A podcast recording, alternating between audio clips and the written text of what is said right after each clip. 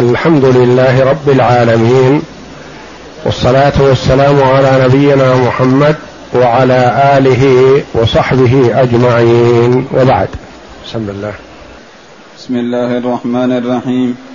قال المؤلف رحمه الله تعالى أبو سفيان بين يدي رسول الله صلى الله عليه وسلم. في غزوة الفتح لما نقضت قريش العهد الذي بينهم وبين النبي صلى الله عليه وسلم في صلح الحديبية وكان من بنود الصلح أن تضع الحرب أوزارها بين الفريقين عشر سنين. وعلى من أراد من قبائل العرب أن يدخل في عهد وعقد محمد صلى الله عليه وسلم دخل ومن أراد أن يدخل في عهد وعقد قريش دخل. فدخلت خزاعة في عهد النبي صلى الله عليه وسلم وعقده. ودخلت بنو بكر في عقد قريش وعهدها. فكان بين بني بكر وخزاعة حروب مستمرة وهذا لا يضير العهد. وإنما حصل النقض بمساعدة قريش لبني بكر على خزاعة. والعهد يحرم على قريش أن تعين على من دخل في عهد محمد صلى الله عليه وسلم وعقده. فبذا نقضت العهد. فاستفزعت خزاعة بالنبي صلى الله عليه وسلم لأن قريش أعانت بني بكر عليها. فقال عليه الصلاة والسلام نصرت يا سالم الذي جاء يبلغ وجهز الجيش العظيم لغزو مكة. وقال اللهم خذ العيون والأخبار عن قريش حتى نبغتها لأنها نقضت العهد. ما يحتاج أن تعلن بالحرب. وجاء أبو سفيان إلى المدينة يزيد في المدة ويؤكد العقد فلم يقبل النبي صلى الله عليه وسلم ولم يسمع منه شيئا.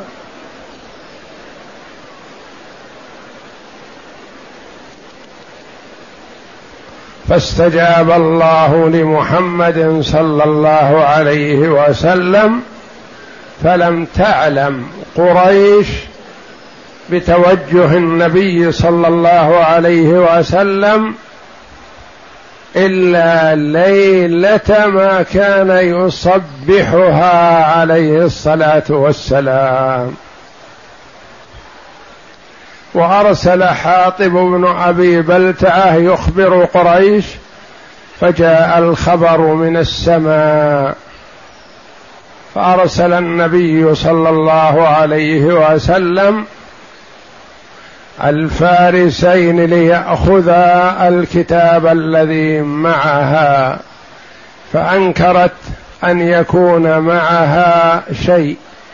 واخبرهما النبي صلى الله عليه وسلم بأنهما يجدان الضعينة يعني المرأة في روضة خاخ معها خطاب من حاطب. فأنكرت أن يكون معها وفتشا رحلها فلم يجدا فيه شيء. فقال علي رضي الله عنه والله ما كذبنا ولا كذبنا فإما أن تخرج الخطاب وإلا لنجردنك. محتمل أن يكون في صدرها أو تحت ثدييها أو بين فخذيها أو أين يكون؟ والله لنجردنك. ما كذبنا ولا كذبنا. ما أخبرنا رسول الله صلى الله عليه وسلم إلا بالصدق. فلما رأت الجد منهما قالت تنحيا وأخرجته من عقيصة رأسها قد جدلت عليه رأسها. وتوجه النبي صلى الله عليه وسلم إلى مكة ولم يعل تعلم قريش بذلك حتى ليلة الإربعاء التي صبحها فيه صلى الله عليه وسلم السابع عشر من شهر رمضان المبارك حينما خرج أبو سفيان وسهيل بن عمرو وحكيم بن حزام وبديل بن ورقاء الخزاعي يتحسسون الأخبار فاستنكر أبو سفيان كثرة النيران التي شاهدها وخاف خوفا شديدا. فقال لبديل ما هذه النيران؟ قال هذه لخزاعة. لما خمشتها الحرب قربت من الحرم. فقال خزاعة أقل وأذل من أن تكون هذه نيرانه عشرة آلاف نار أوقدت تلك الليلة. بأمر النبي صلى الله عليه وسلم. فإذا بالعباس رضي الله عنه قد جاء من عند النبي صلى الله عليه وسلم وعلى بغلته يتحسس لعله يجد من الحطابين من يرسله إلى قريش لتأتي تأخذ الأمان لها من النبي صلى الله عليه وسلم. والآن الأمر وضح ولا يمكنهم الاستعداد بشيء. فإذا بأبي سفيان فتعارفا فقال ما الأمر؟ ماذا عندك؟ فأخبره العباس رضي الله عنه بالأمر فخاف وذعر. ثم إن العباس أردفه على بغلة رسول الله صلى الله عليه وسلم وذهب به إلى النبي صلى الله عليه وسلم ليأخذ له الأمان. نعم. قال وركب العباس بعد نزول المسلمين بمر الظهران بغلة رسول الله صلى الله عليه وسلم البيضاء وخرج يلتمس لعله يجد بعض الحطابة أو أحد مر الظهران وادي فاطمة يعني قرب مكة. نعم. لعله يجد بعض الحطابة أو أحدا يخبر قريشا ليخرجوا يستأمنون رسول الله صلى الله عليه وسلم قبل أن يدخلها. وكان الله قد عمى الأخبار عن قريش فهم على وجل وترقب. وكان أبو سفيان يخرج يتجسس الأخبار فكان قد خرج هو وحكيم بن حزام وبديل بن ورقاء يتجسسون الأخبار. قال العباس والله إني لأسيل بن ورقة الخزاعي في صف النبي صلى الله عليه وسلم ويتحرى لعل النبي صلى الله عليه وسلم يأتي. وأبو سفيان خائف مذعور. من مجيء النبي صلى الله عليه وسلم. نعم. قال العباس والله إني لأسير عليها أي على بغلة رسول الله صلى الله عليه وسلم إذ سمعت كلام أبي سفيان وبديل, وبديل بن ورقاء وهما يتراجعان. وأبو سفيان يقول ما رأيتك الليلة نيرانا قط ولا عسكرا. قال يعني العدد النيران كثيرة والعسكر كثير. من ما هذا؟ خاف. فخاف خوفا شديدا. وقال لبديل بن ورقاء ما هذه النيران؟ نعم. قال يقول بديل هذه والله خزاعة خمشتها الحرب. فيقول ما خمشتها الحرب من بني بكر وساعدتها قريش قربت من الحرم. فيقول أبو سفيان خزاعة أقل وأذل من أن تكون هذه نيرانها وعسكرها. قال العباس فعرفت, صو فعرفت صوته فقلت عرف صوت أبي سفيان. فقلت أبا حنظلة. وكان يكنى أبو سفيان بأبي حنظلة. نعم. فعرف صوتي فقال أبا الفضل. والعباس رضي الله عنه يسمى بأبي الفضل. قلت نعم. قال ما لك؟ فداك أبي وأمي. قلت هذا رسول الله صلى الله عليه وسلم في الناس وصباح قريش والله. قال فما الحيلة؟ فداك أبي وأمي. قلت والله لئن ظفر بك ليضربن عنقك. فاركب في عجز هذه البغلة حتى آتي بك رسول الله صلى الله عليه وسلم فأستأمنه لك. قال ما وراءك يسأل أبو سفيان يسأل العباس ما هذا ما الذي حصل? قال هذا رسول الله صلى الله عليه وسلم والناس يصبحون مكة والويل لهم إن دخلها الرسول صلى الله عليه وسلم عنوة لأنهم أساءوا إساءة بالغة إلى النبي صلى الله عليه وسلم ويظفر بهم. وأنت أولهم يا أبا سفيان. والله إن ظفر بك رسول الله صلى الله عليه وسلم ليضربن عنقك لأنه هو الذي قائد الحروب ضد النبي صلى الله عليه وسلم. لكنه عليه الصلاة والسلام الرؤوف الرحيم. يعفو عمن أساء إليه عليه الصلاة والسلام. ثم قال له ما يمكن أن تسلم إلا إن ركبت معي. هذه بغلة رسول الله صلى الله عليه وسلم ولعلك تصل إليه. إن وصلت إليه فإنه سيؤمنك لكن أخشى أن تفتلت دونه قبل أن نصل إليه. يسارع أحد الصحابة ويراك فيقتلك. لا عهد ولا ميثاق. لكنهم الصحابة رضي الله عنهم كانوا مؤدبين مع النبي صلى الله عليه وسلم. ما يفتتون عليه بأمر وهو بين أظهرهم. عمر رضي الله عنه لما رأى أبو سفيان أسرع إلى النبي يستأذن في قتله والعباس أسرع إلى النبي صلى الله عليه وسلم ليستأمن لأبي سفيان وهما يتسابقان إلى النبي صلى الله عليه وسلم. هذا يدل على احترام الصحابة رضي الله عنهم للنبي صلى الله عليه وسلم وعدم الافتيات عليه بشيء ما. حتى وإن كانوا في هذا خير لكنهم يرجعون إليه عليه الصلاة والسلام. وإلا فقد فرح به عمر قال عدو الله أبو سفيان أمكن الله منه بغير عهد ولا ميثاق فيريد أن يضرب عنقه. قال فركب خلفي ورجع صاحباه قال فجئت به فكلما مررت به على نار من نيران المسلمين قالوا من هذا؟ فإذا رأوا بغلة رسول الله صلى الله عليه وسلم وأنا عليها قالوا عم رسول الله صلى الله عليه وسلم على بغلته.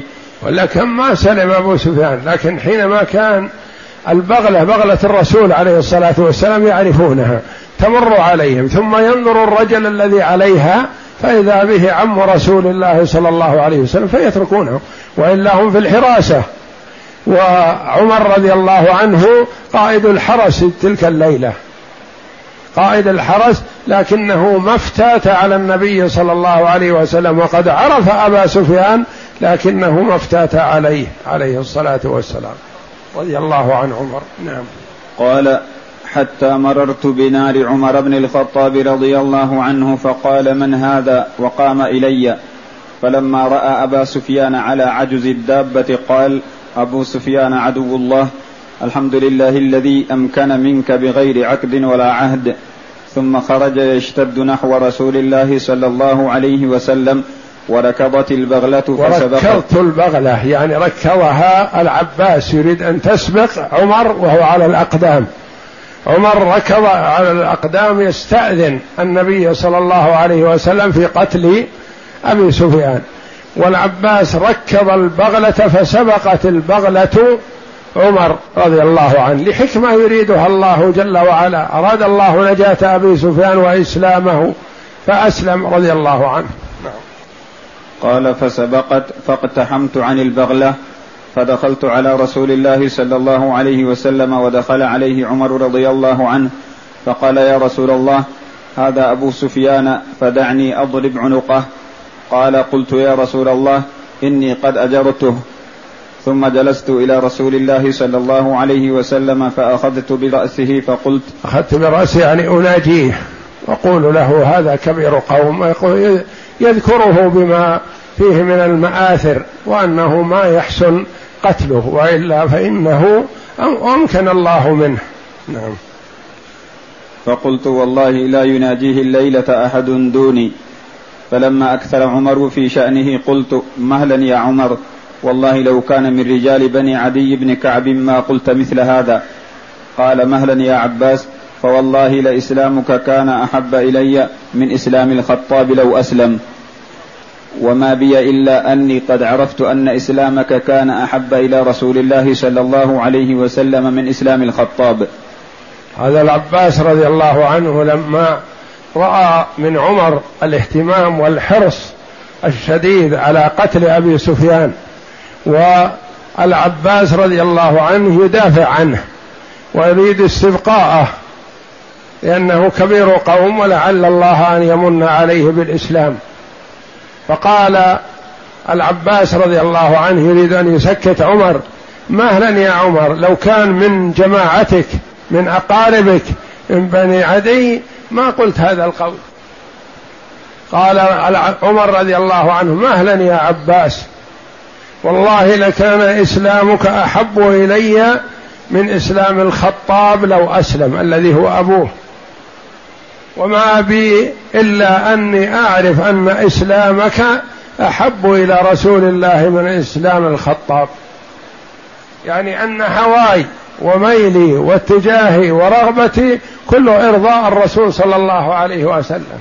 وخدمة رسول الله صلى الله عليه وسلم وخدمة الإسلام والمسلمين رضي الله عنه عمر يقول ما عندي شيء من الحمية أو من النظر إلى القرابة أو البعد لا ابدا.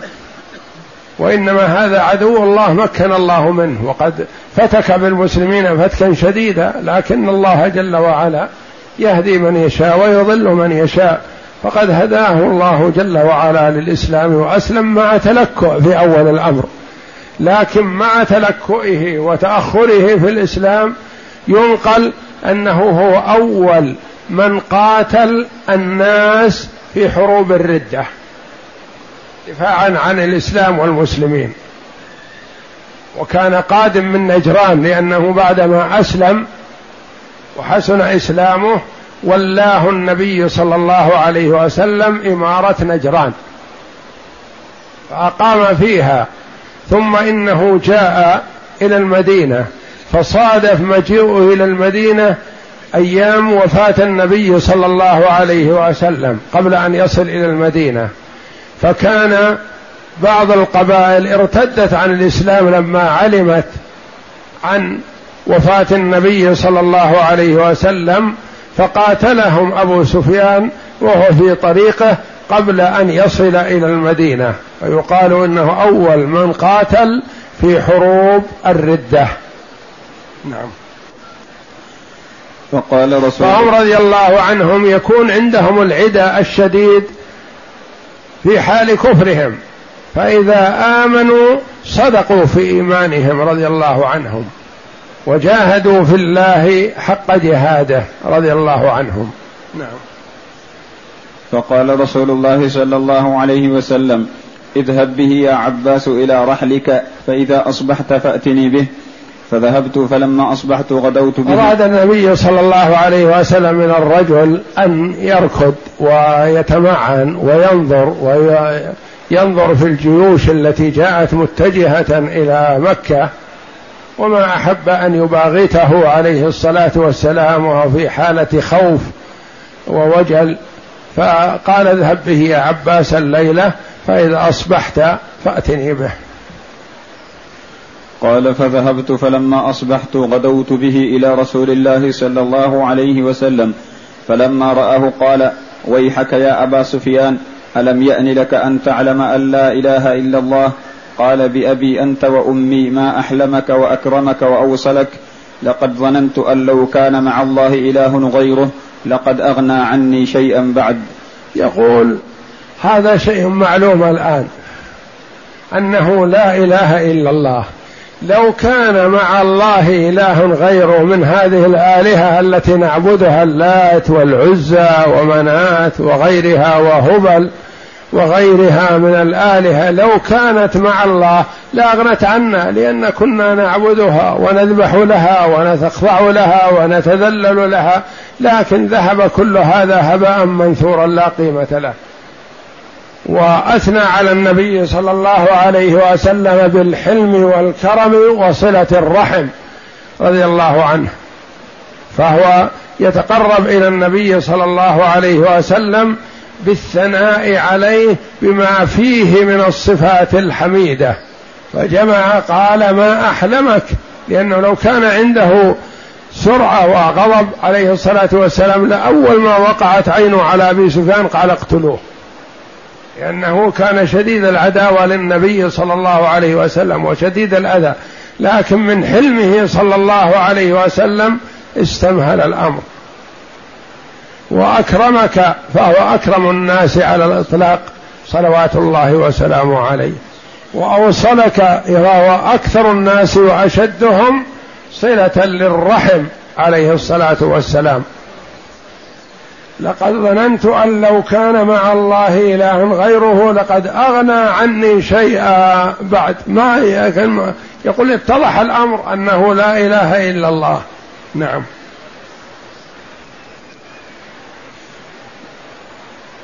نعم. قال قال ويحك فلما رآه قال ويحك يا أبا سفيان ألم يأن لك أن تعلم أن لا إله إلا الله؟ قال بأبي أنت وأمي ما أحلمك وأكرمك وأوصلك.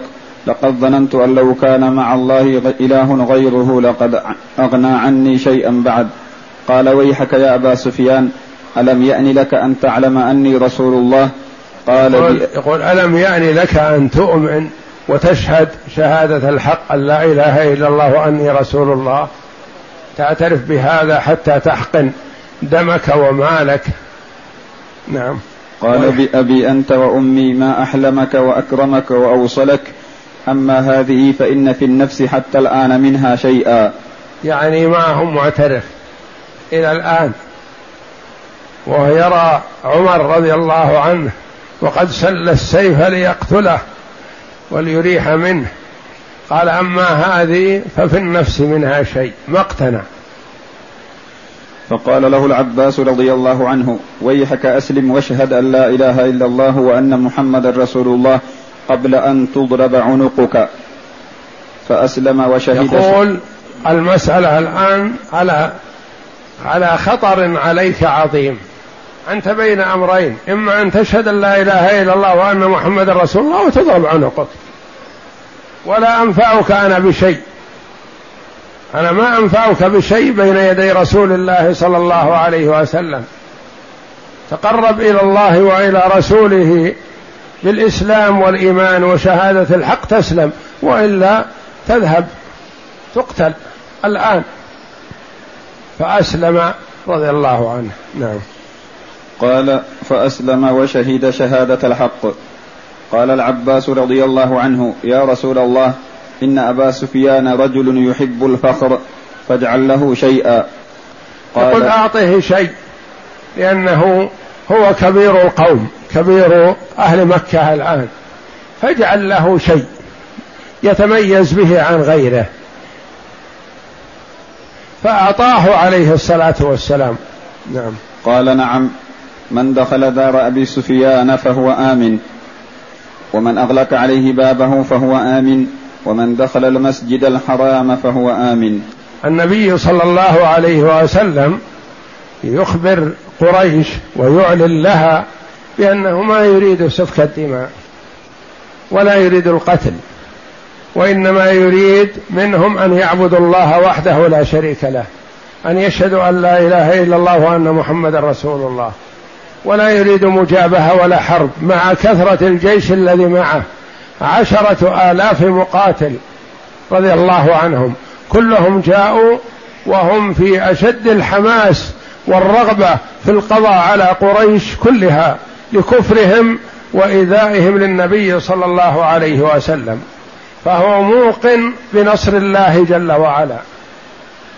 وأن قريش لن تقوم لها قائمة إذا حاربت النبي صلى الله عليه وسلم. لكنه عليه الصلاة والسلام أراد أن يفسح لهم المجال في الاستسلام والطاعة. فقال من دخل دار أبي سفيان فهو آمن. دليل أنه مستجيب وموافق. ومن أغلق عليه بابه يعني ما خرج لمقابلة الجيش الإسلامي أغلق عليه بابه وجلس في بيته فهو آمن. ومن دخل المسجد الحرام فهو آمن. فسح لهم المجال وعدد لهم الأماكن لأن فيه مثلا من ليس له دار وبعيد عن المسجد الحرام قال يدخل دار أبي سفيان. وفيه من تكون داره بعيدة ويخشى أن خرج لو خرج من داره ليأتي إلى المسجد الحرام قتل في الطريق. فقال من أغلق عليه بابه فهو آمن. نحن لا نفتح البيوت. ولا نريد سفك الدماء. من أغلق عليه بابه فهو آمن. ومن دخل المسجد الحرام في أناس مثلا يحبون أن يتحصنوا من المسجد الحرام ويحبوا أن يروا ماذا سيفعل النبي صلى الله عليه وسلم. إذا أغلق المرء عليه بابه ما يدري ما الذي حصل. فمن الناس من يهوى أن يأتي إلى المسجد الحرام. قال من دخل المسجد الحرام فهو آمن. فكأنه أمن كل من يريد الأمان عليه الصلاة والسلام. ووسع لهم ولم يحجرهم على مقر واحد أو مركز واحد أو جهة واحدة. في بعض البيوت مثلا بعيدة عن المسجد الحرام. قال يغلق عليه بابه وهو آمن. في بعض الأشخاص جاءوا إلى أبي سفيان يستعلمون الخبر لأن أبا سفيان كبيرهم وأميرهم. ماذا نصنع؟ يدخل دار أبي سفيان ويأمن. ومن الناس من هو حول المسجد الحرام وجاء ليرى ما الخبر؟ يدخل المسجد الحرام فهو آمن. فهو عليه الصلاة والسلام فسح لهم المجال في من أراد أن يستأمن لنفسه عليه الصلاة والسلام. نعم. الجيش الإسلامي يغادر مر الظهران إلى مكة. يعني يتوجه في الصباح صبيحة يوم الأربعاء إلى مكة. وفي هذا الصباح صباح يوم أربعاء للسابع عشر من شهر رمضان سنة ثمان من الهجرة غادر رسول الله صلى الله عليه وسلم مر الظهران إلى مكة وأمر العباس رضي الله عنه أن يحبس أبا سفيان بمضيق الوادي عند خطم الجبل حتى تمر به جنود الله فيراها ففعل فمرت أمر يخشى عليه الصلاة والسلام أن أبا سفيان لا يزال في نفسه شيء وفي قلبه شيء وإذا استطلع الجيش قد تغويه نفسه بأن يحارب. فقال النبي صلى الله عليه وسلم احبسه وقفه عند مضيق الجبل. الجبل ما يخرج منه من آه، قسم يسد بعض الطريق يكون الطريق ضيق والمار به ممكن أن يحاط به. هذا يسمى خطم الجبل يعني ما برز من الجبل في الطريق. قال احبسه على هذا حتى يرى الجيش كله من أوله إلى آخره ويرى قبائل العرب التي جاءت مع النبي صلى الله عليه وسلم مجاهدة في سبيل الله ومقاتلة لكفار قريش ولكل من وقف في طريق الدعوة إلى الله. قال احبسه في خطم الجبل حتى يرى الجيش بكامله. لأن الجيش منتشر في مر الظهران. قد يتوقع أبا سفيان أنه قليل إنه منتشر في الصحراء.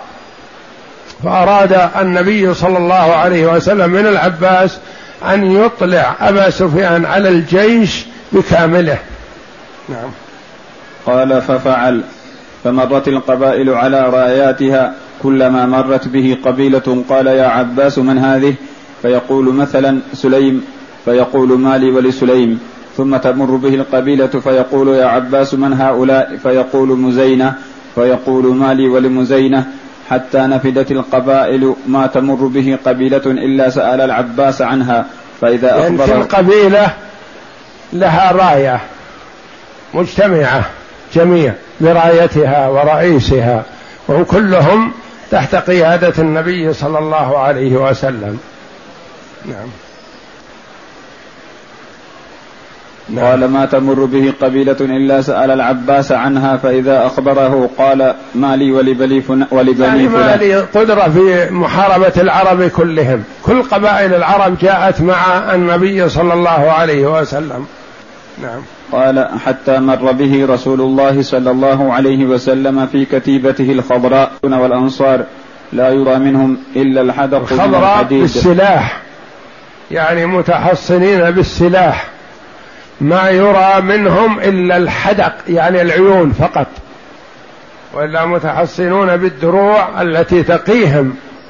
الضربات لو حصل مجابهة من كفار قريش؟ نعم. لا يرى منهم إلا الحدق من الحديد. قال سبحان الله يا عباس من هؤلاء؟ قال هذا رسول الله صلى الله عليه وسلم في المهاجرين والأنصار. قال ما لأحد بهؤلاء قبل ولا طاقة. ثم قال والله يا أبا الفضل لقد أصبح ملك ابن أخيك اليوم عظيما.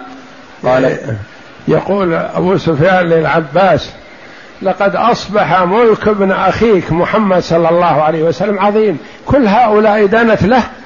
كل هذه القبائل تبعه؟ هذا ملك عظيم. قال ما هو ملك يا أبا سفيان هذه النبوة قال صدقت. يعني ما يجمع هذا العرب ما يجمعهم إلا الدين. ما يجتمعون ولا يتفقون على شيء إلا إذا اجتمعوا على دين. وإلا هم متناحرون متنافرون فيما بينهم. ما تدعم قبيلة لقبيلة أبدا. وأبو وابن خلدون رحمه الله يقول العرب ما يتفقون إلا على دين إذا الدين يجمعهم صحيح. وأما إذا لم يكن هناك دين فإنهم في حال تناحر وتنافر. ما تذعن هذه القبيلة لتلك ولا هذه لتلك. ما أحد يذعن لأحد عندهم صلابة رأس. لكن في الدين لا. يجتمعون ويتفقون. مثل ما أذعن أبو سفيان لعمر رضي الله عنه في خلافته. في خلافة عمر رضي الله عنه أذعن أبو سفيان من يتوقع أن أبا سفيان يذعن لواحد فرد من أفراد قريش؟ وخاصة عمر كان ينازعه ما يذعن له.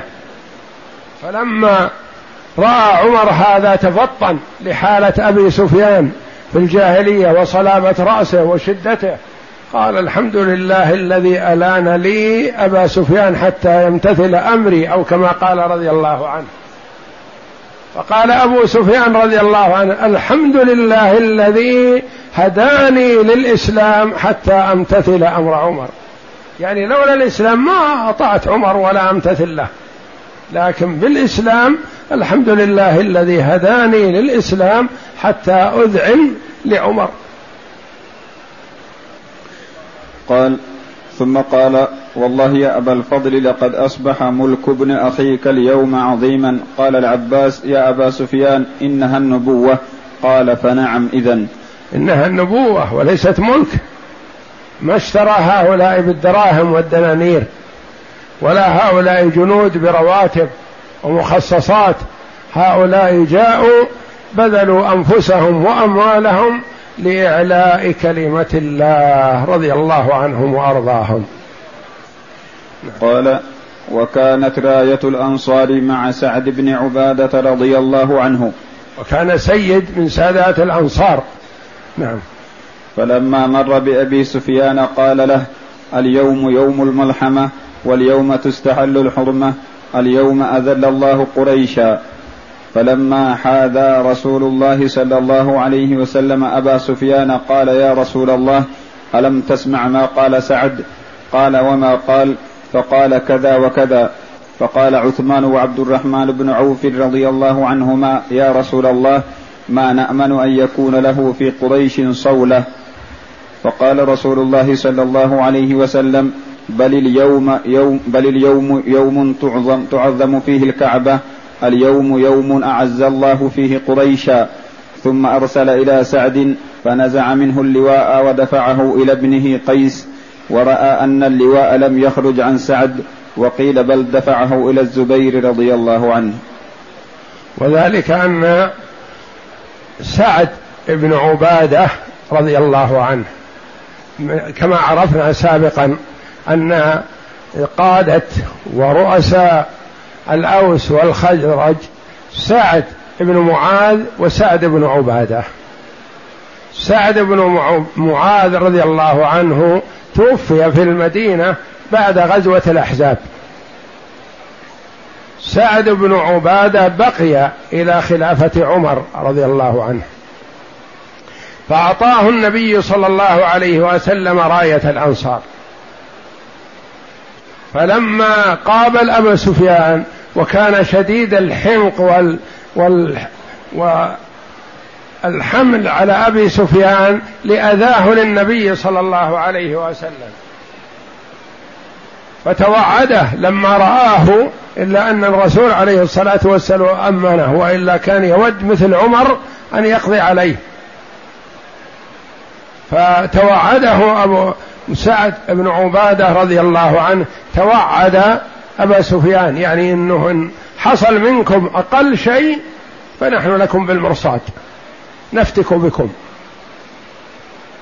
فخشي كبار الصحابة رضي الله عنهم من هذه الكلمة لما قالها سعد أن يكون لها أثر أن يتحمس سعد في الفتك ببعض من اعترضه من قريش. فأشاروا على النبي صلى الله عليه وسلم ألا يبقى بالقيادة والزعامة حتى لا يحصل منه أذى لقريش. وقريش الآن مذعنة مستسلمة. فرسول الله صلى الله عليه وسلم خشي على ما يترتب من كلمته وتوعده لكفار قريش من هذا فأخذ الراية منه ولم يبعدها بعيد بل جعلها لابنه قيس. وكان رجلا شجاعا حكيما ورأى أن القيادة بيد الابن ما نزعت بعيدا من الأب. وهو عليه الصلاة والسلام ما يحب أن يؤثر على سعد بن معاذ بن عبادة لبلاه ولما قدمه للإسلام والمسلمين رضي الله عنه وأرضاه. وخشي أن يفتك بقريش فأخذ الراية منه وأعطاها لابنه. وبهذا يرضى الأب. الأب إذا أخذت الراية وأعطيت لابنه ابنه جزء منه. فأحب عليه الصلاة والسلام أن يجمع بين الحسنيين مداراة وإكرام سعد بن عبادة رضي الله عنه والخوف من هذه الكلمة التي قالها توعدا لقريش فأخذ الراية منه وأعطاها لابنه قيس. راى أن اللواء لم يخرج عن سعد يعني ما ذهب بعيد بل هو في يد ابنه. وقيل بل دفعه إلى الزبير بن العوام رضي الله عنه حتى لا يحصل أذى لقريش من بعض من كان عنده حمل شديد على كفار قريش لأذاهم للنبي صلى الله عليه وسلم. وسعد بن عبادة رضي الله عنه قد آذاه كفار قريش على إسلامه في صدر الإسلام كما مر علينا قريبا. نعم. قريش. قال قريش تباغت زحف الجيش الإسلامي. ولما مر رسول الله صلى الله عليه وسلم بأبي سفيان قال, قال له العباس النجاء إلى قومك. فأسرع أبو سفيان. يعني لما استكمل أبو سفيان رأى الجيش كله قال له العباس رضي الله عنه أسرع. إلى مكة وبلغهم بمجيء النبي صلى الله عليه وسلم والأمان الذي أعطاهم النبي صلى الله عليه وسلم حتى لا يقاتلوا لأنهم لا قبل لهم بهذا الجيش إن قاتلوا فإنها ستراق فيه الدماء ويقضى عليهم. فقال أسرع إلى قومك وأمرهم بما أعطاك النبي صلى الله عليه وسلم بأن من دخل دار أبي سفيان آمن ومن أغلق عليه بابه فهو آمن ومن دخل المسجد الحرام فهو آمن. نعم.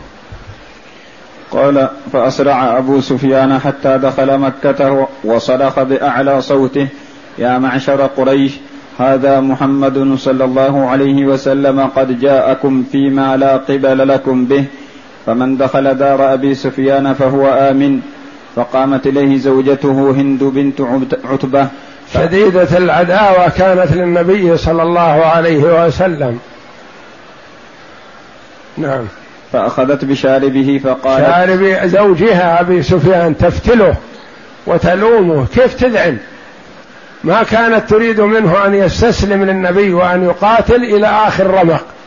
من شدة عداوتها للنبي صلى الله عليه وسلم وهي التي أرادت أن تأكل كبد حمزة رضي الله عنها لكنها لفظتها ما استطاعت أن تستسيغها. نعم. فقالت اقتلوا الحميت الدسم الأخمش الساقين قبح من طليعة قوم. يقول هذا طليعتنا قبح فاقتلوه ريحونا منه. كيف يستسلم وينقاد ويسلم لمحمد صلى الله عليه وسلم وهو ألد أعدائنا قال أبو سفيان. قال أبو سفيان ويلكم لا تغرنكم هذه من أنفسكم. لا تغرنكم. هي تغرنكم فتذهب أنفسكم. أنتم بين أمرين إما أن تطيعوني أنا وتسلموا وتنجوا. أمامكم الرجل الرحيم الرؤوف. عليه الصلاة والسلام الكريم الواصل للرحم.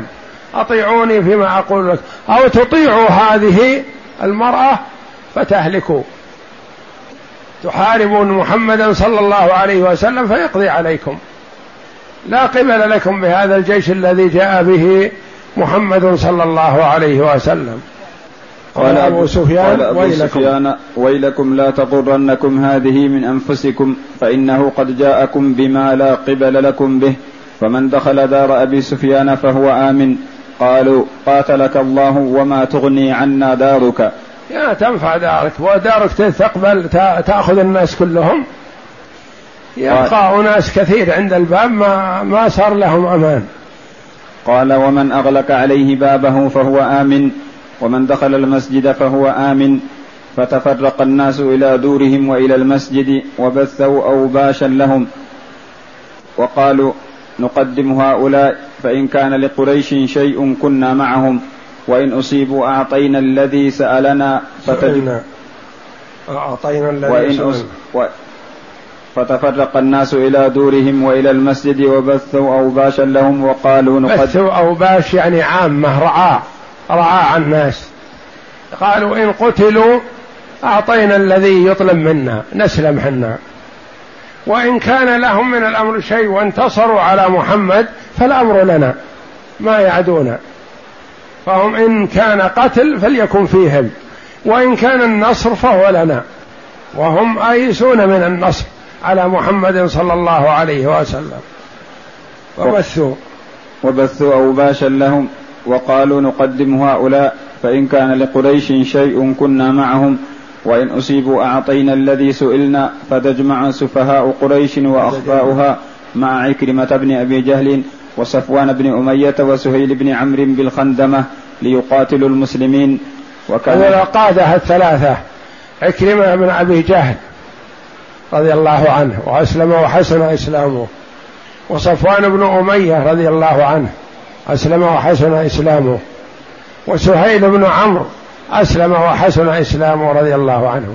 لكن هؤلاء القادة كبراء ومعهم رعاع من الناس يوجهونهم للقتال. نعم. لكنهم فروا. لما رأوا الجيش الإسلامي فروا. قال وكان فيهم رجل من بني بكر حماس بن قيس كان يعد قبل ذلك كان يعد قبل بني ذلك. بكر اللي هم حلفاء قريش ليس من قريش وإنما من حلفائها. جاءوا ليساعدوا قريش كما ساعدتهم على خزاعة. كان يعد قبل ذلك سلاحا فقالت له امرأته لماذا تعد ما أرى؟ قال لمحمد صلى الله عليه وسلم وأصحابه قالت والله ما يقوم لمحمد صلى الله عليه وسلم وأصحابه شيء. قال إني والله لأرجو أن أن أخدمهم أن أخدمك أن أخدمك بعضهم. قال إني والله لأرجو أن أخدمك بعضهم. ثم قال إن يقبلوا اليوم فما لي إن يقبلوا اليوم فما لي علة. هذا سلاح كامل وإلا. وإلا. وذو غرارين سريع السلة. فكان هذا الرجل في من اجتمعوا في الخندمة. ثم فر. هذا الرجل من بني بكر وليس من قريش وكان يعد سلاح. فاستغربت زوجته قالت ما هذا السلاح الذي تعده؟ قال هذا لمحمد وصحبه إذا جاءوا. قالت والله لا يقوم لهم شيء إذا جاءوا. نصرهم من الله. ما تستطيعهم أنت ولا أمثالك. قال إني لأرجو أن أخدمك منهم. يقول نقتل من نقتل ونأسر من نأسر. فمن أسرناه يكون مولا عندنا. يكون يخدمك. يخدمك في دارك لأنه يكون رقيق. إذا أسروا يقصد من الصحابة رضي الله عنهم أحد يكون رقيقا لهم يخدم زوجته. إني لأرجو أن أخدمك منهم. أجيب بالحبال أناس قيدهم يخدمونك. نعم. ثم أنشد هذا الشعر يرتجز فيه ويتشجع لكنه أصبح هو أول من فر لما رأى الحديد والنار ورأى جنود الله جل وعلا مقبلة نحو بيت الله لتخلصه من براثن الكفر والشرك والضلال. نعم. وكان فكان هذا الرجل في من اجتمعوا في الخندمة. الجيش الجيش الإسلامي بذي طوى. قال أما رسول الله صلى الله عليه وسلم فمضى حتى انتهى إلى ذي طوى وكان يضع رأسه تواضعا لله حين رأى ما أكرمه حين رأى ما أكرمه الله به من الفتح حتى كان عليه الصلاة والسلام على راحلته وكان مطأطئ رأسه حتى أن لحيته لتمس الرحم. تواضعا لله جل وعلا. يعني ما كان متغطرس ومتكبر ومتعاظم إن الله فتح له ونصره. كان عليه الصلاة والسلام تواضعا لله خضوعا عليه الصلاة والسلام. حتى إن لحيته لتمس الرحل من خضوعه لله جل وعلا وحمده وشكره لربه جل وعلا الذي فتح له مكة. نعم. قال وكان يضع رأسه صلى الله عليه وسلم تواضعا لله حين رأى ما أكرمه الله به من الفتح حتى أن شعر لحيته صلى الله عليه وسلم لا يكاد يمس وسط الراحل رحل. وهناك وزع جيشه وكان خالد بن الوليد رضي الله عنه على المجنبة اليمنى وفيها أسلم وسليم وغفار وغفار ومزينة قبائل, قبائل من العرب أمر عليهم وجعل كبيرهم خالد بن الوليد رضي الله عنه. وقبائل من قبائل العرب فأمر فأمره أن يدخل مكة من أسفلها وقال إن عرض لكم أحد من قريش فاحصدوهم حصد حصدا. يعني أنتم لا تقتلوا إلا من اعترض طريقكم. إذا تركوكم الناس تدخلون إلى المسجد الحرام فلا تتعرضوا أحد. لكن إن تعرض لكم أحد فاقتلوه. وهم في مكة وكانوا يتوقعون أنه لا يقتل أحد في مكة لكنه عليه الصلاة والسلام أذن لهم في قتل من اعترضهم بإذن الله تبارك وتعالى لرسوله صلى الله عليه وسلم في القتال بمكة ذلك اليوم. ضحى ذلك اليوم الذي هو يوم الأربعاء. السابع عشر من شهر رمضان المبارك. وأحلت لي كما قال عليه الصلاة والسلام ساعة من نهار. نعم. قال إن عرض لكم أحد من قريش فاحسدوهم حصدا حصدا يعني لا تت... لا تتركوهم. نعم. فاحسدوهم حصدا حتى توافوني على الصفا وكان الزبير بن العوام رضي الله عنه على المجنبة اليسرى وكان معه راية رسول الله صلى الله عليه وسلم فأمره أن يدخل مكة من أعلاها من كذا وأن يغرز رايته بالحجون ولا يبرح حتى يأتيه. وكان أبو عبيدة رضي الله عنه على الرجالة والحسر وهم الذين ليس معهم مركوب. نعم. وهم الذين لا سلاح معهم فأمره أن يأخذ بطن الوادي حتى ينصب لمكة بين يدي رسول الله صلى الله عليه وسلم. نعم. الجيش الإسلام الجيش الإسلامي يدخل مكة. قال وتحركت كل كتيب كتيبة من الجيش الإسلامي على الطريق التي كلفت الدخول منها.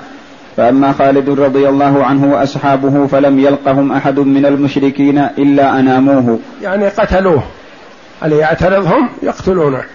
نعم. وقتل من أصحابه من المسلمين كرز بن جابر الفهري وخنيس بن خالد بن ربيعة كانا قد شذا عن الجيش فسلكا طريقا غير طريقه فقتلا جميعا وأما سفهاء قريش فلقيهم خالد وأصحابه بالخندمة فناوشهم شيئا من قتال فأصابوا من المشركين اثني عشر رجلا فانهزم المشركون وانهزم حماس بن قيس الذي كان يعد السلاح لقتال رسول الله لقتال المسلمين حتى دخل بيته فقال لامرأته أغلقي علي بابي. هذا الذي يقول لزوجته إنني سأخدمك إياهم. دخل مذعورا وقال أغلقي علي الباب يخشى أن يدخل عليه أحد. فقالت وأينما كنت تقول؟ أينما كنت تقول تجيب لي خدام منهم. فقال إنك لو شهدت يوم الخندمة إذ فر صفوان وفر عكرمة واستقبلنا واستقبلتنا, واستقبلتنا بالسيوف المسلمة يقطعن كل ساعد وجمجمة ضربا فلا يسمع إلا غنغمة لهم نهيت. لهم نهيت خلفنا وهمهمة لم تنطق في اللوم أدنى كلمة. يقول لو شهدت ما شهدت أنا من إقبال الجيوش الإسلامية وعزمها على قتال من اعترضها ما اعترضت ولا نطقت ولا لمتيني الحمد لله الذي سلمني إليك وعدت إليك وإلا ربعي كلهم راحوا. الله أكبر. نعم. وأقبل خالد يجوس مكة حتى وافى رسول الله صلى الله عليه وسلم على الصفا. وأما الزبير رضي الله عنه فتقدم حتى نصب راية رسول الله صلى الله عليه وسلم بالحجون عند مسجد الفتح وضرب له هناك قبة فلم يبرح حتى جاءه رسول الله صلى الله عليه وسلم. قال المؤلف رحمه الله تعالى الرسول صلى الله عليه وسلم يدخل المسجد الحرام ويطهره من الأصنام. الرسول صلى الله عليه وسلم يدخل المسجد الحرام ويطهره من الأصنام. دخل صلى الله عليه وسلم وعلى رأسه المغفر وهو مستعد للقتال إن قابله أحد من المشركين. فهو لم يدخل صلى الله عليه وسلم محرما.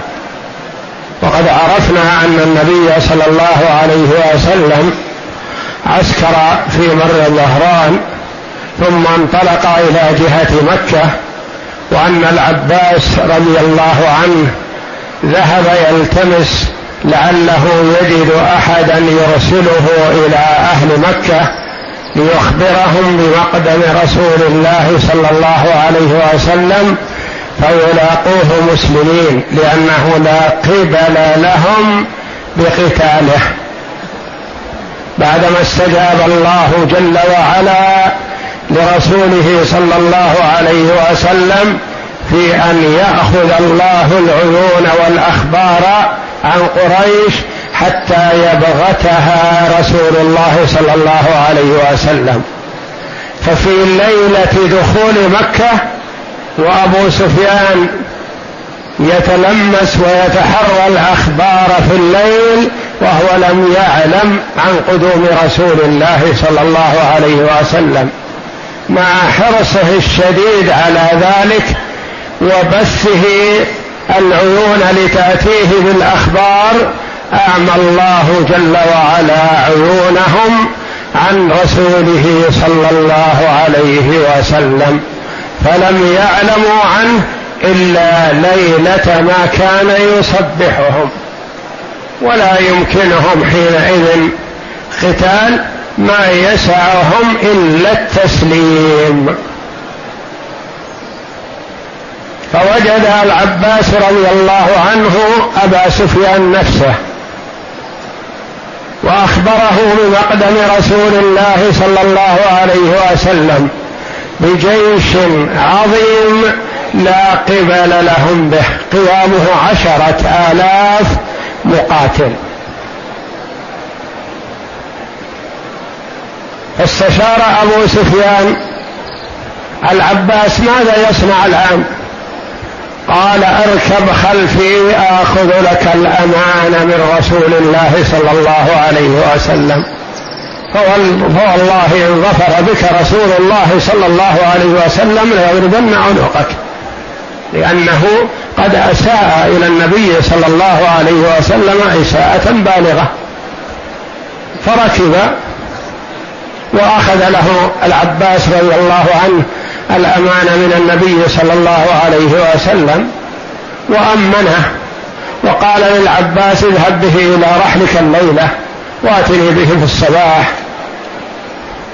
وحاول عمر رضي الله عنه أن يقتل أبا سفيان وقد مكن الله منه من غير عهد ولا ميثاق لكن النبي صلى الله عليه وسلم ما أذن له في ذلك لحكمة يريدها الله جل وعلا فهو جل وعلا أراد لأبي سفيان الإسلام والإيمان.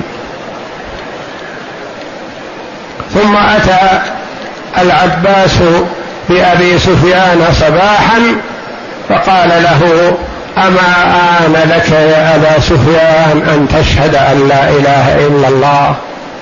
فأثنى على النبي صلى الله عليه وسلم وامتدحه وهو يستحق المدح والثنى لا أكرم ولا أطيب ولا أحسن منه خلقا.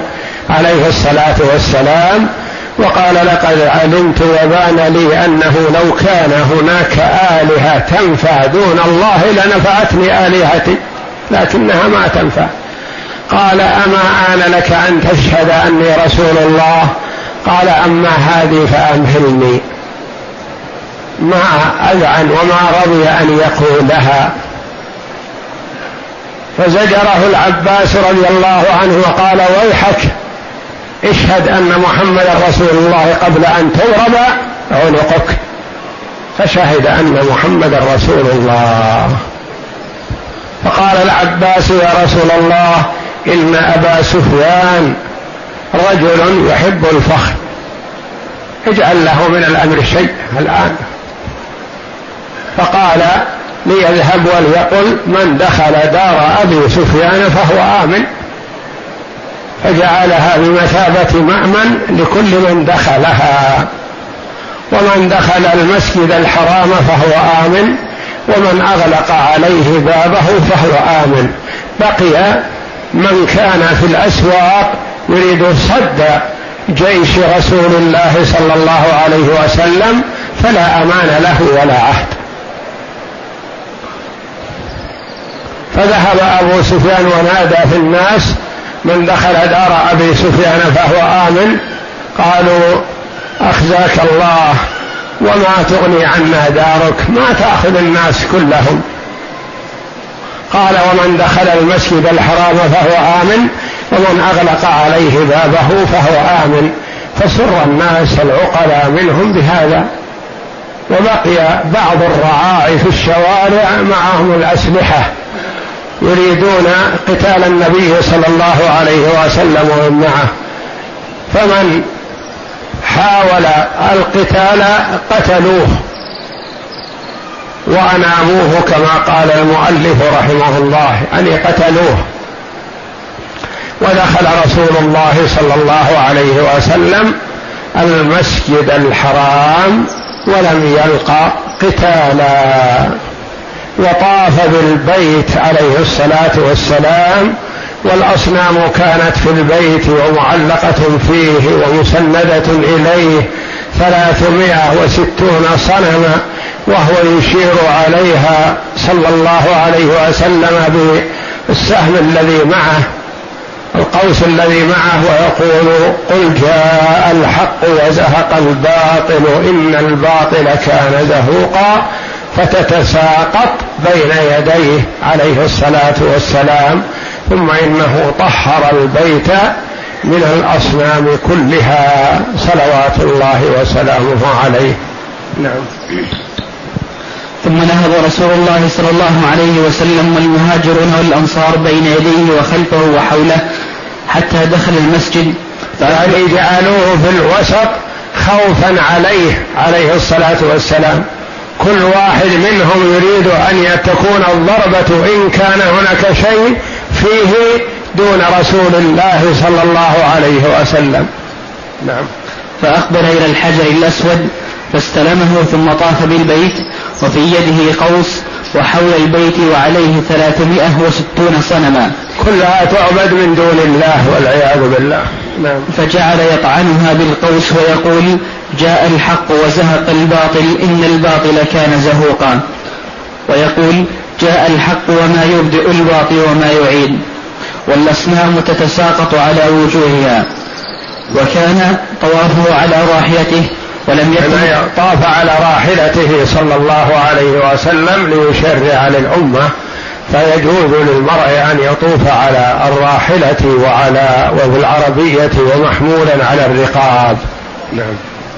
وكان طوافه على راحلته ولم يكن ولم يكن محرما يومئذ. ما كان محرم بعمرة لأنه عليه الصلاة والسلام دخل مقاتلا فاتحا لمكة. فاقتصر على الطواف يعني لم يسعى بعد طوافه هذا عليه الصلاة والسلام. نعم. فلما أكمله دعا عثمان بن طلحة. عثمان بن طلحة هذا الذي معه مفتاح الكعبة لأن قريش تقاسمت الوظائف. منهم من عنده سدنة البيت خدمة البيت وحفظه وسدنته. ومنهم من تولى السقاية. ومنهم من تولى الرفادة ومنهم من تولى التجهيش التجهيز للقتال والحروب. فتقاسموا على الوظائف فكان المفتاح الكعبة في بني طلحة في عثمان ابن طلحة. نعم. فلما أكمله دعا عثمان بن طلحة فأخذ منه مفتاح الكعبة فأمر بها ففتحت فدخلها فرأى فيها الصور ورأى فيها صورة أخذه صلى الله عليه وسلم من يده ولم يأمره يقول له افتح. يستشعر أنه لا يزال مسيطر على الكعبة وأنه يتولى الفتح والإغلاق. أخذ منه الكعبة المفتاح دلالة على أنه سلب منه هذه الوظيفة. ثم إن شاء صلى الله عليه وسلم أعطاه إياه وإن شاء أعطاه لغيره فهو عليه الصلاة والسلام فتح الله له مكة. ولم يأمر عثمان بن طلحة بأن يفتح استشعارا بأنه لا زال بيده المفتاح وهو وليه لا أخذه منه لأنه أصبحت الولاية والأمر والنهي لرسول الله صلى الله عليه وسلم. فأخذ منه المفتاح وأمر بأن تفتح له الكعبة. سلمه من أراد أن يفتحها. نعم. فأمر بها ففتحت فدخلها فرأى فيها الصور ورأى فيها صورة إبراهيم وإسماعيل عليهما السلام يستقسمان بالأزلام. وهذا من عمل الجاهلية. وما كان إبراهيم ولا إسماعيل عليهم الصلاة والسلام ممن يستقسم بالأزلام. نعم. فقال قاتلهم الله. يعني المشركين انهم ألصقوا الاستقسام بالأزلام لإبراهيم وإسماعيل. يعني يريدون أن يعلموا الرعاع بأن أباكم إبراهيم وإسماعيل يستقسمون بالأزلام فافعلوا فعلهم. ويقول قاتلهم الله. ما كان إبراهيم ولا إسماعيل عليهم الصلاة والسلام يستقسمان بالأزلام. نعم. فقال قاتلهم الله. والله ما استقسما بهما قط. والله ما استقسما بها قط ورأى في الكعبة حمامة من حمامة من عيدان فكسرها بيده وأمر بالصور فمحيت. كان الصور في الجدار في جدار الكعبة فأمر بها فطمست عليه الصلاة والسلام. نعم.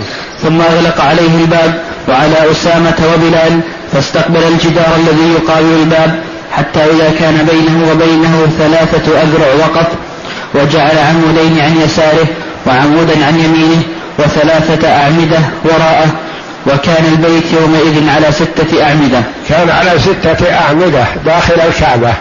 لما دخل صلى الله عليه وسلم استمر مقابل للباب وصلى.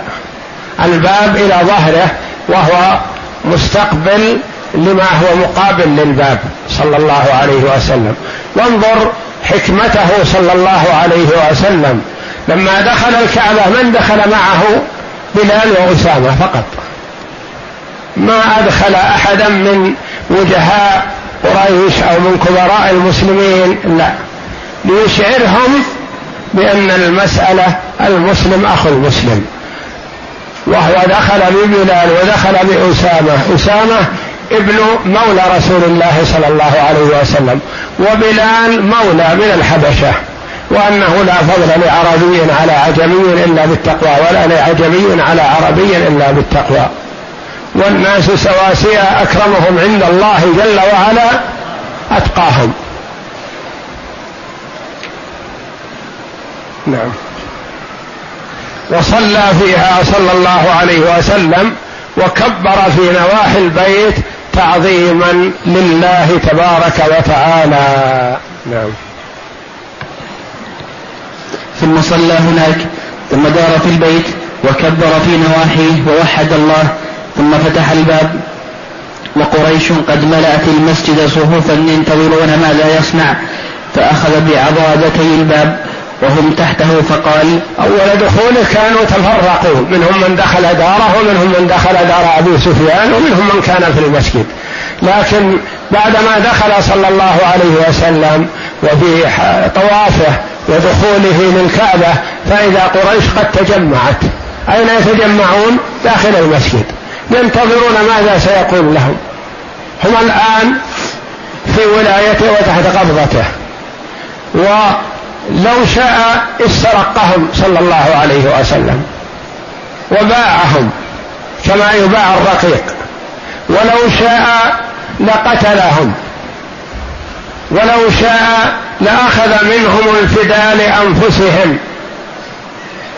فهم ينتظرون ماذا سيحصل من هذا الرجل الذي ما ظنوا فيه إلا الخير. مع أذاهم الشديد له كان مثالا لل للجود والكرم والطيب صلوات الله وسلامه عليه. فلما صلى وفتح الباب وقف على باب الكعبة وأخذ بعضادتي الباب يعني بحلقتي الباب ماسك بالباب عليه الصلاة والسلام واقف بمثابة الخطيب بين أيديهم. نعم. فقال لا إله إلا الله وحده لا شريك له صدق وعده ونصر عبده وهزم الأحزاب وحده ألا كل مأثرة أو مال أو دم فهو تحت. أول ما بدأ بكلامه صلى الله عليه وسلم وحد الله تبارك وتعالى وشكره وقال الحمد لله وحده لا إله إلا الله وحده لا شريك له صدق وعده. لتدخلن المسجد الحرام إن شاء الله محلقين رؤوسكم ومقصرين لا تخافون. فعلم ما لم تعلموا فجعل من دون ذلك فتحا قريبا. أنزل الله جل وعلا على رسوله وهو راجع من الحديبية. والصحابة رضي الله عنهم متأثرون تاثرا بالغ.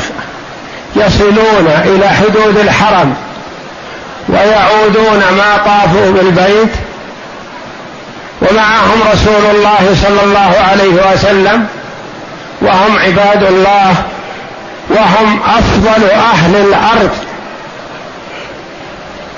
فكيف هذا؟ والرسول صلى الله عليه وسلم مطمئن يعلم أن لله جل وعلا في ذلك حكمة. فأنزل الله جل وعلا عليه وهو عائد من الحديبية إلى المدينة دون أن يدخل المسجد الحرام. لتدخلن المسجد الحرام إن شاء الله آمنين محلقين رؤوسكم ومقصرين لا تخافون. سورة الفتح. وصدرها إنا فتحنا لك فتحا مبينا. ليغفر لك الله ما تقدم من ذنبك وما تأخر. الآيات. وفيها لتدخلن المسجد الحرام. إن شاء الله آمنين. محلقين رؤوسكم ومقصرين لا تخافون. فعلم ما لم تعلموا فجعل من دون ذلك. يعني قبل هذا فتحا قريبا. فتح خيبر. والله أعلم كما قال المفسرون.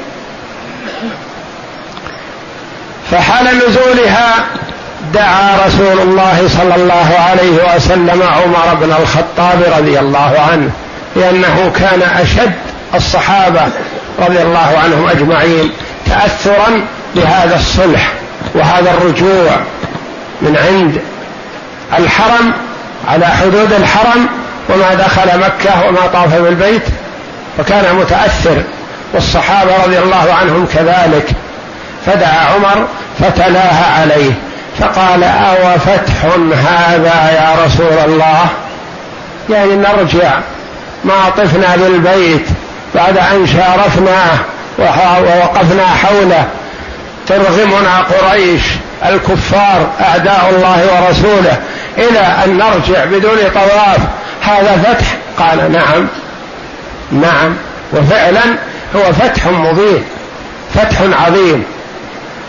ما فتح الله له مكة تلك الساعة وتلك السنة لحكمة يريدها الله جل وعلا. كانوا معهم في صلح الحديبية كم؟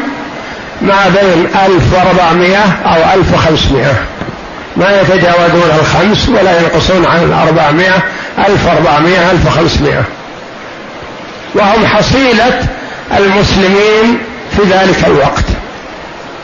من يوم أن بعث الله رسوله صلى الله عليه وسلم إلى صلح الحديبية عام ستة من الهجرة يعني حصيلة تسع عشرة سنة ثلاث عشرة سنة في مكة وست سنوات في المدينة. حصيلتها في المسلمين حاصلهم الذي يصلحون القتال وخرجوا مع النبي صلى الله عليه وسلم ما بين 1400 و500 حينما جاء صلى الله عليه وسلم لفتح مكة كان معه عشرة آلاف. ما بين ألف وخمسمائة إلى عشرة آلاف. كل هؤلاء أو معظمهم دخلوا في الإسلام خلال هذه السنة والشيء. سنة وشيء لأن صلح الحديبية في أواخر عام ستة. وفتح مكة في رمضان عام ثمانية. يعني ما كمل سنتين. ما بين صلح الحديبية وفتح مكة وكان المسلمون ما بين 1400 و900 إلى عشرة آلاف. هؤلاء دخلوا في دين الله. فكان سبب دخولهم هو ما حصل من صلح الحديبية. أمن الناس وصار الناس ينظرون ويفكرون ويرون الأحسن فدخلوا في دين الله.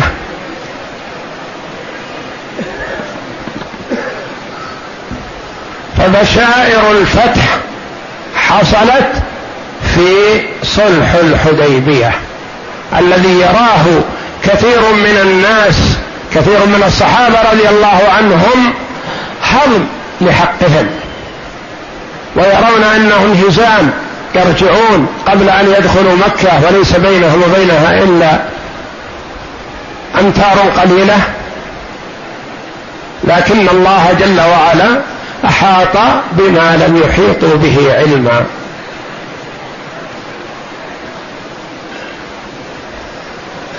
فقال صلى الله عليه وسلم في خطبته بعدما وحد الله جل وعلا صدق وعده. وعده جل وعلا لتدخلن المسجد الحرام. إن شاء الله آمنين محلقين رؤوسكم ومقصرين لا تخافون. ونصر عبده. العمرة حصلت قبل هذا بسنة في سنة السابعة. اعتمروا.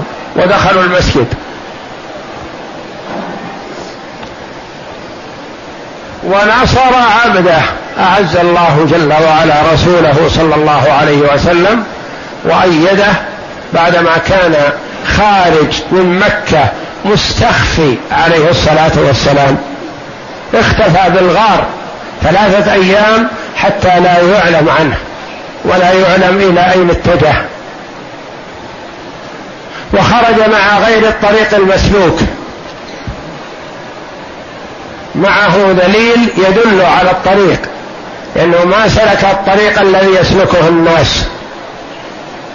هذا خروج من مكة ودخلها صلى الله عليه وسلم منصورا معززا من الله جل وعلا وحوله المسلمون عشرة آلاف. ونصر عبده وهزم الأحزاب وحده. يذكر الحاضرين الحاضرون أكثرهم أو جلهم ممن جاء يوم الأحزاب. أبو سفيان ومن معه. جاءوا يوم الأحزاب وكبراء قريش. جاءوا ومعهم عشرة آلاف من قريش وغيرها من قبائل العرب. مثل مجيء النبي صلى الله عليه وسلم لفتح مكة لكن الله جل وعلا أيد رسوله صلى الله عليه وسلم وهزم الأحزاب. فالعدد ما يفيد. الأحزاب عشرة آلاف. وأهل المدينة رجال ونساء وأطفال أقل من عشرة آلاف. فهزم الله جل وعلا الأحزاب بالريح التي أرسلها عليهم كفأت قدورهم وأسقطت خيامهم وكدرت عليهم طعامهم وشرابهم مع ما فيها من البرد الشديد القارس كانوا ما تعودوا على البرد في مكة وجاءهم البرد الشديد في المدينة. من الذي هزمهم؟ جيش المسلمين؟ لا. الله جل وعلا يذكرهم بنعم الله جل وعلا عليه. وهزم الأحزاب وحده. هذه الكلمات القصيرة لها معان عظيمة. بعد توحيد الله جل وعلا قال صدق وعده. ونصر عبده. وقال نصر عبده تواضعا لله جل وعلا وتذللا وخضوعا. ولم يقل نصر رسوله أو نصر نبيه. نصر عبده. والله جل وعلا شرف محمدا صلى الله عليه وسلم بالعبودية في أشرف مواطن. سبحان الذي أسرى بعبده ليلا من المسجد الحرام إلى المسجد الأقصى. أسرى بعبده ما قال برسوله وهو رسول صلى الله عليه وسلم. وقال جل وعلا الحمد لله الذي أنزل على عبده الكتاب ولم يجعل له عوجا. وقال وأنه لما قام عبد الله يدعوه كادوا يكونون عليه لبدا. فذكره في الصلاة وذكره في الإسراء وذكره في إنزال الكتاب بصفة العبودية لله جل وعلا. وأشرف صفاته صلى الله عليه وسلم العبودية والرسالة. فهو عبد لا يعبد ورسول لا يكذب لأنه مرسل من قبل الله جل وعلا الذي لا تخفى عليه خافية. وهزم الأحزاب وحده يعني ما هزمناكم حنا بقوتنا ولا ببأسنا ولا بجيوشنا وإنما الله جل وعلا هو الذي هزم الأحزاب وقال وحده يعني ليس معه آخر ولا شريك لأنه جل وعلا إنما أمره إذا أراد شيئا أن يقول له كن فيكون. نعم. فأخذ بعضادتي الباب وهم تحته فقال لا إله إلا الله وحده لا شريك له صدق وعده. ونصر عبده وهزم الأحزاب وحده. ألا كل مأثرة أو ماء أو دم فهو تحت قدمي هاتين. يعني المفاخر في الجاهلية كلها لا قيمة لها الآن. كلكم لآدم وآدم من تراب. إن أكرمكم عند الله أتقاكم. عمر رضي الله عنه لما طعن قال لو كان سالم مولى أبي حذيفة موجود لوليت عليكم. يولي مولى نعم لأنه آخذ للقران من حفاظ القرآن ومن المجيدين للقرآن. يقول لو كان سالم مولى أبي حذيفة مولى وليته. إن أكرمكم عند الله أتقاكم.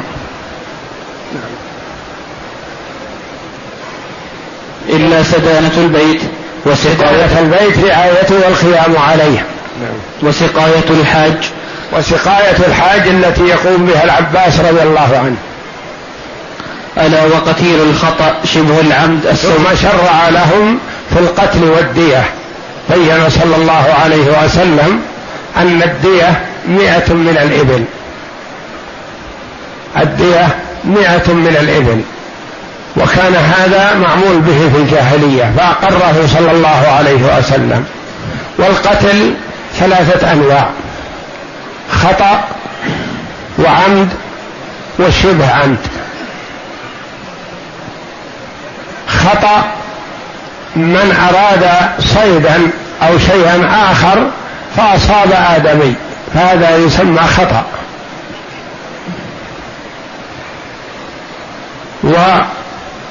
وولي الدم بالخيار بين أخذ الدية أو العفو مجانا.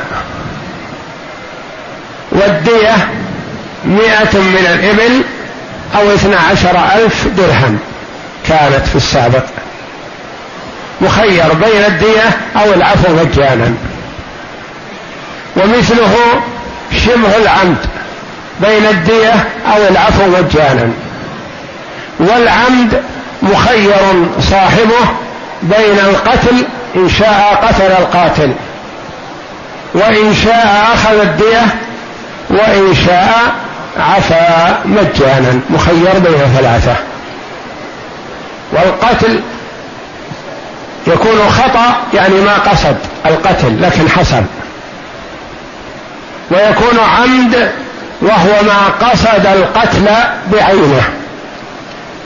ويكون الشبه عمد وليس بعمد وهو ما كان في العادة يقتل وهو ما قصد القتل لكنه في العادة يقتل. فيسمى شبه عمد يعني مثل العمد في الدية وليس مثله في القصاص. ألا وقتيل الخطأ شبه العمد؟ الصوت والعصا ففيه الدية مغلظة. مئة من الإبل أربعون منها في بطونها أولادها. مئة من الإبل متفاوتة موزعة مقسمة على أقساط تؤدى حتى لا تشق على من هي عليه. ومنها ما هو على العاقلة. بعض الدية تكون على العاقلة وبعضها تكون في مال الجاني. يا معشر قريش إن الله قد أذهب عنكم نخوة الجاهلية وتعظمها بالآباء يعني جاء الله لكم بالإسلام فلا تتفاخروا بغيره. ولا يقال هذا أنا ابن فلان أو ابن فلان. كلكم لآدم وآدم من تراب. أكرمكم عند الله أتقاكم. أحب الرجال أو حب رسول الله صلى الله عليه وسلم وابن حبه أسامة ابن زيد زيد مولى.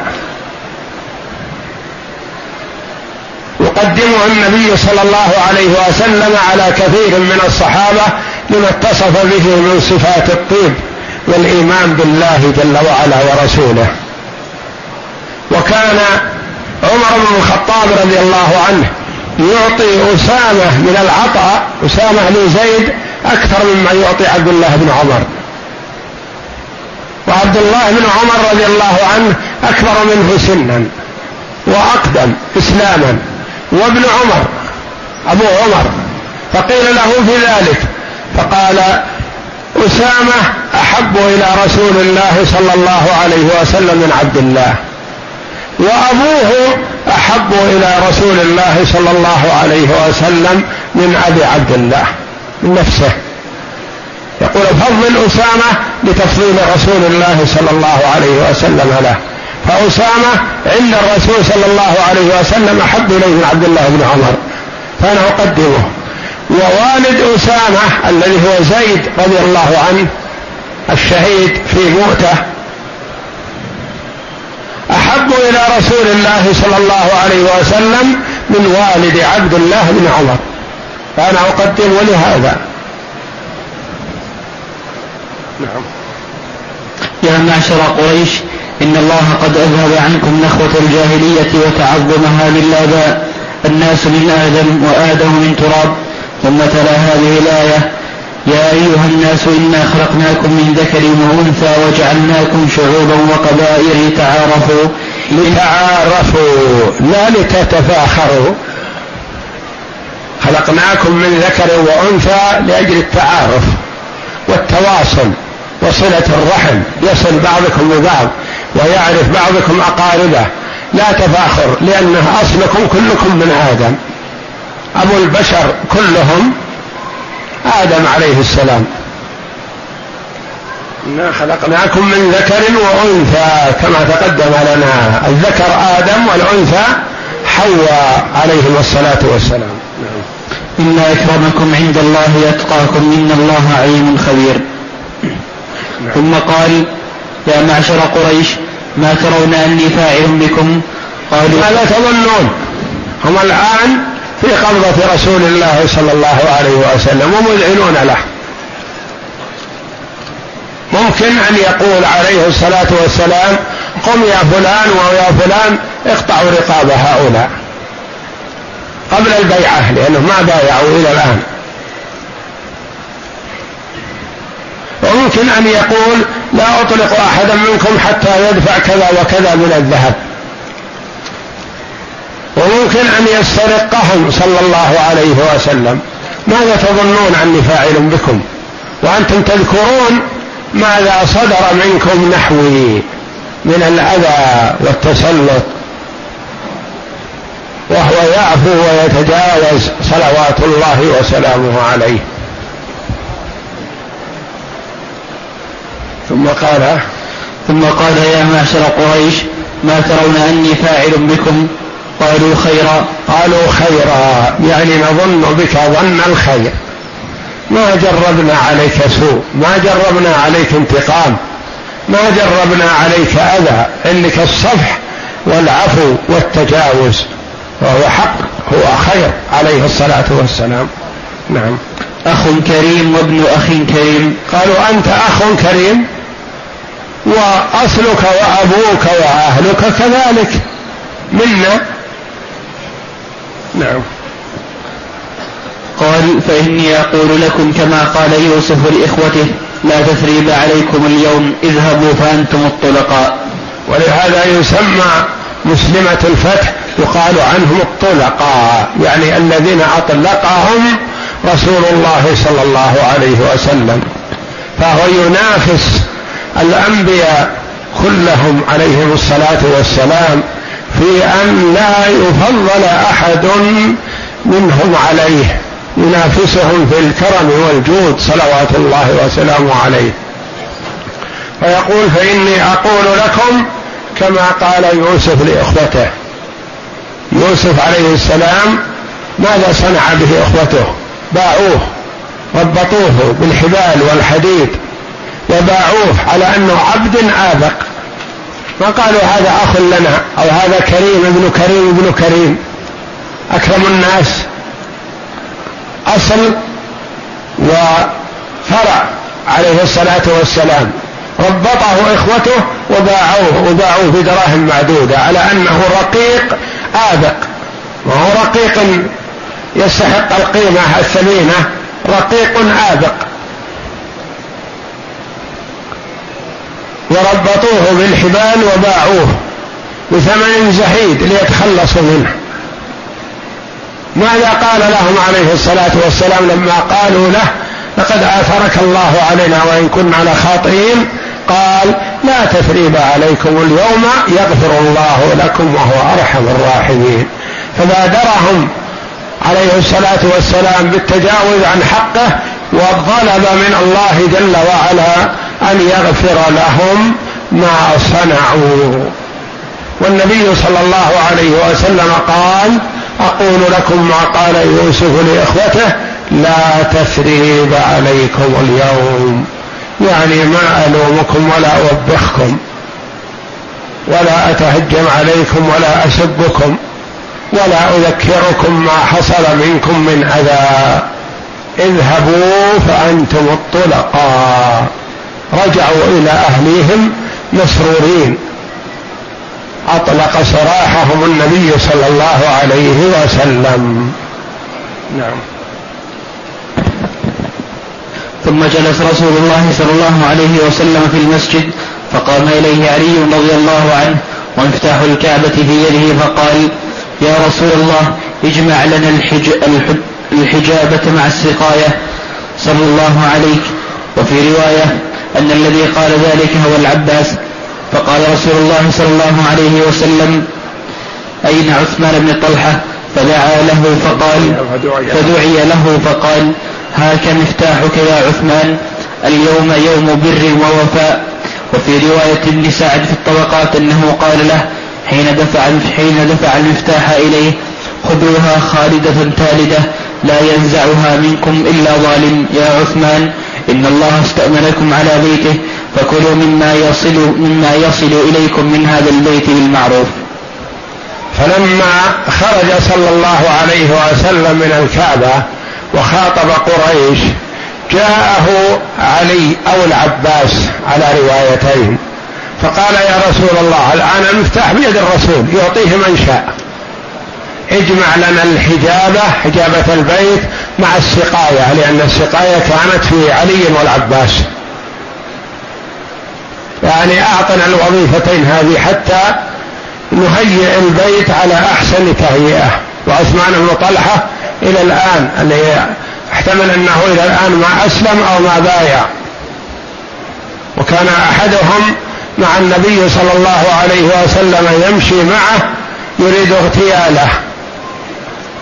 فالتفت إليه النبي صلى الله عليه وسلم وقال ماذا تريد؟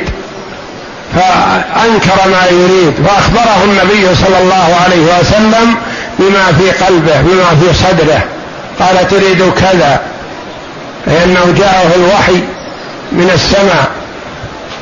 وآخر كان مع الرسول صلى الله عليه وسلم في حنين وقد أظهر شيء من الإسلام ولم يكن مسلما حقا. فرأى الملائكة تنزل فهاله وأخبر النبي صلى الله عليه وسلم فعرف النبي صلى الله عليه وسلم أنه لم يسلم حقا لأن المسلم ما يرى الملائكة في حال القتال وإنما الذي يراها الكافر فهو رآها ورعب منها وخاف وأخبر النبي صلى الله عليه وسلم برؤيته لها ففضح نفسه. دل على نفسه بأنه لم يسلم حقا فوضع النبي صلى الله عليه وسلم يده الكريمة على صدره ودعا له فشهد أن لا إله إلا الله حقا وذهب عنه الروع الذي وجده من رؤية الملائكة عليهم الصلاة والسلام لما نزلوا يقاتلون مع الصحابة في حنين بعد فتح مكة كما سيأتي إن شاء الله. فعثمان أخذ منه المفتاح الآن. ثم إن الرسول صلى الله عليه وسلم يضعه كيف شاء. طلب منه طلبه عمه أو ابن عمه فلم يعطه إياهم.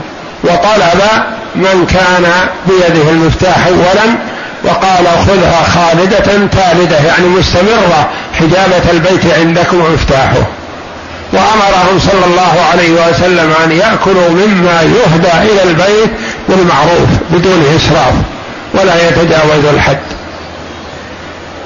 فهو فالمفتاح في أيدي ذرية عثمان ابن طلحة وآله.